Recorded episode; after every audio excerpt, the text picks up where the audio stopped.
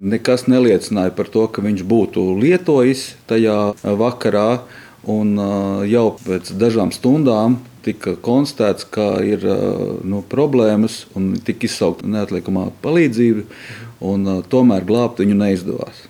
Tā par 17 gadus vecā jaunieša nāvi stāsta viņa aizbildnis Rīgas bērnu jauniešu un ģimeņu sociāla atbalsta centra direktors Kaspars Jasinkevičs, kurš atzīst, ka desmit gadu laikā, kopš viņš ieņem šo matu, tas ir smagākais negadījums.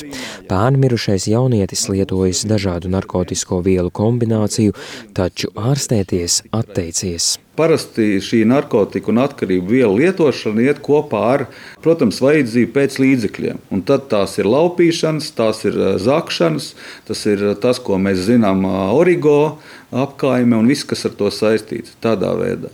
Vai viņam bija arī kādi biedri, vienaudži, kas arī lieto? Arī, protams, jā. jā. Kā viņiem sokas tagad? Nu, paldies Dievam, viņi ir dzīvi. Kāds ir uh, ieslodzījuma vietā, kāds ir mums ir izdevies saistībā ar izveidot uh, dažādus pakalpojumus. Nu, ļoti dažāda tā situācija ir. Bet teikt, ka tas ir šobrīd kaut kā atrisinājos, pilnīgi noteikti nevar.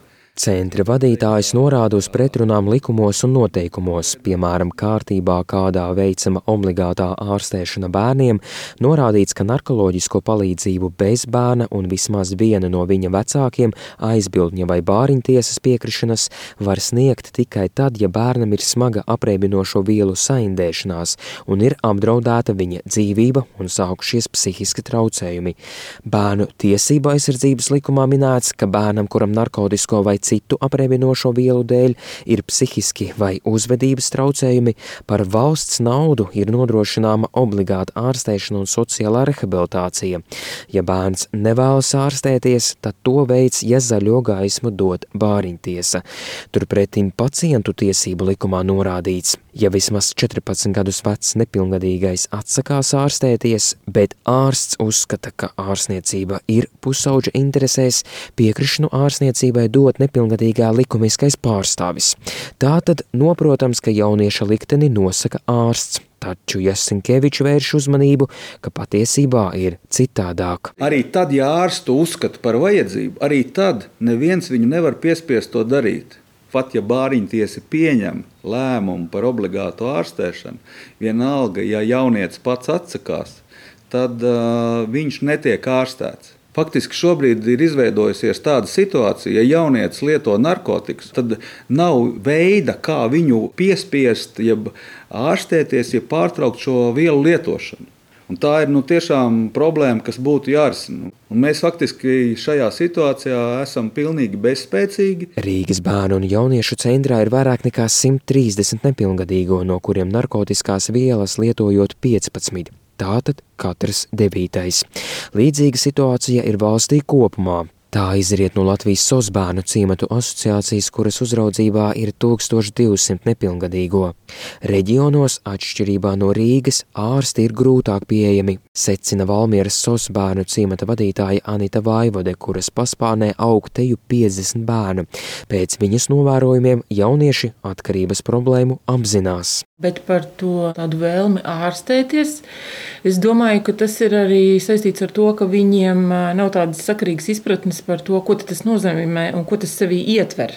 Jo pa lielam mēs viņus raustam, sakam, kā būs, kā nebūs, bet uh, tam nav tādas pēctecības. Ja es solu, ka tad tev būs jādara tas vai tad sekos tas, tad uh, tās sekas viņus šobrīd nepanāk līdz tai pilngadībai.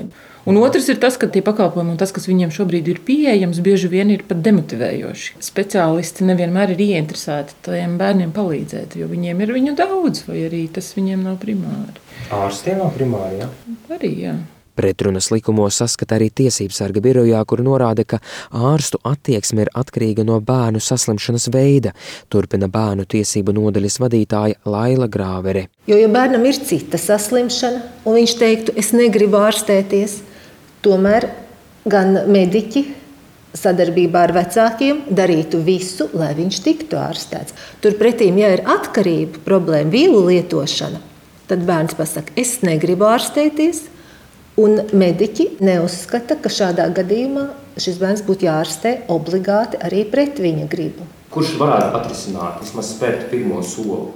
Redziet, tiesības sargs ir vērsies pie trim ministrijām. Tātad veselības, labklājības un tieslietu. Mūsuprāt, šo ministriju uzdevums ir izveidot atbilstošu šo sistēmu, no ārstēšanas līdz rehabilitācijai, un arī prevencija brīvais laiks un tā tālāk. Tā saka bērnu tiesību nodaļas vadītājas vietniece Laila Henzele.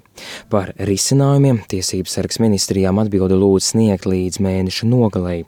Latvijas radio uzrunātajā veselības ministrijā problēmu apzinoties, norādot, ka narkotikas nepilngadīgie lieto arvien biežāk, tāpēc risinājumi ir jāmeklē.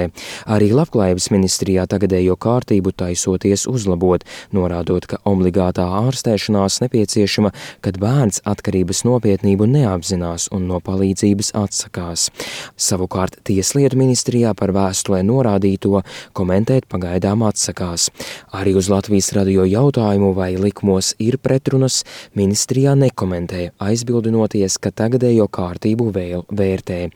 Vai likumi ir pretrunīgi, to jautāju Saimnes cilvēktiesību un sabiedrisko lietu komisijas vadītājai Lēlai Rasimai no progresīvajiem, kura atbildi gatavoja nedēļu. Nu, tieši tā likumos ir tās pretrunas, un kurš nozīmē, kurš lem par to ārstēšanu, tā ir lieta, kas būtu jāsakārto. Un kurš par to ir atbildīgs? Nu, grūti pateikt, kurš ir atbildīgs. Teiksim tā, jūsu vadītā komisija to var atrisināt. Cilvēktiesību sabiedrisko lietu komisija viņai ir atbildīga par bērnu tiesību aizsardzības likumu. Man šķiet, ka jā, mēs varētu to skatīt arī manā komisijā, bet pašlaik ja būtu jāsaprot, jā, kas ir tās lietas, kā ministrijas plāno rosināt, mainīt likumdošanu vai nemainīt. Mēs mazliet arī vēlamies nogaidīt uz to atbildi, ko tiesības sargs ir uzdevis ministrijām sniegt. Ja, teiksim, pie mums neviens nenāk ministrijas konkrēti vai priekšlikumiem, tad, protams, mēs paši proaktīvi mēģināsim uh, to risināt. Kādai tad kārtībai, jūsuprāt, ir jābūt? Tai kārtībai jābūt tādai, lai būtu līdzsvars starp gadījumiem, ka tomēr mēs izmantojam visus iespējamos līdzekļus, lai šo ārstēšanu veiktu brīvprātīgi. Jo brīvprātīga ārstēšana ir daudz efektīvāk, kad cilvēks pats ir motivēts. Bet, protams, ir jābūt arī tiem gadījumiem, kad, ja viss cits ir izsmelts, ja citu variantu vairs nav, nepilngadīgais nevēlas brīvprātīgā kārtā ārstēties, tad, protams, mums ir jābūt uh, arī obligātās, ja piespiedu ārstēšanas opcijai. Rasima uzskata, ka šī gada laikā problēmai jābūt atrisinātai. Taču ar izmaiņām likumos vēlamais rezultāts nebūs sasniegts. Pārliecināta ar Latvijas Osbānu ciematu asociācijas direktore Ilze Paleja, norādot, ka Latvijā palikusi tikai viena iestāde, kur bērnus ārstē no atkarībām. Tā ir slimnīca Ģintermuiža Jelgavā, kur motivācijas programmā ir vien piecas vietas. Turpina Paleja. Vajadzīgi pakalpojumi. Protams, ka jāsāk viennozīmīgi, es domāju, ir ar likumiem. Tāpēc, ka likumos ir jābūt vienotai sapratnei, un vienotam skaidrojumam, kādā veidā valsts vispār rūpējās par nepilngadīgiem, kuriem ir atkarības problēmas. Nu, mums ir jānolem, vai mēs valstī tomēr uzskatām, ka šiem bērniem ir nepieciešama obligāta ārstēšana, ja, vai nē. Ja mēs izlēmjam nē, tad tas ir skaidrs, ka šie bērni ir nolemti faktiski jā, iznīcībai. Vienu no risinājumiem izstrādā Tieslietu ministrijā, kur augsta riska pusauģiem piedāvā izveidot terapeitisko māju. Tajā pēc tiesas lēmumu uz laiku piespiedu kārtā ievietotu bērnus no 11 gadu vecuma, kas apdraud savu un citu veselību un ir izdarījuši noziegumu. Mājā būtu pieejama ārstēšana, izglītība un sociālā rehabilitācija, kas gan līdz iespējamiem likumu grozījumiem paliktu brīvprātīgā statusā.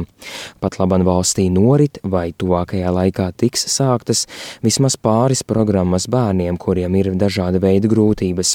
No labklājības ministrijas noskaidrojās, ka bērnu ministrija sāka nodrošināt sociālo mentoru pakalpojumu 25 bērniem ar atkarību izveidošanās risku.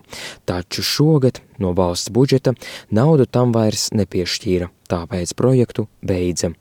Viktors Demidovs, Latvijas radio.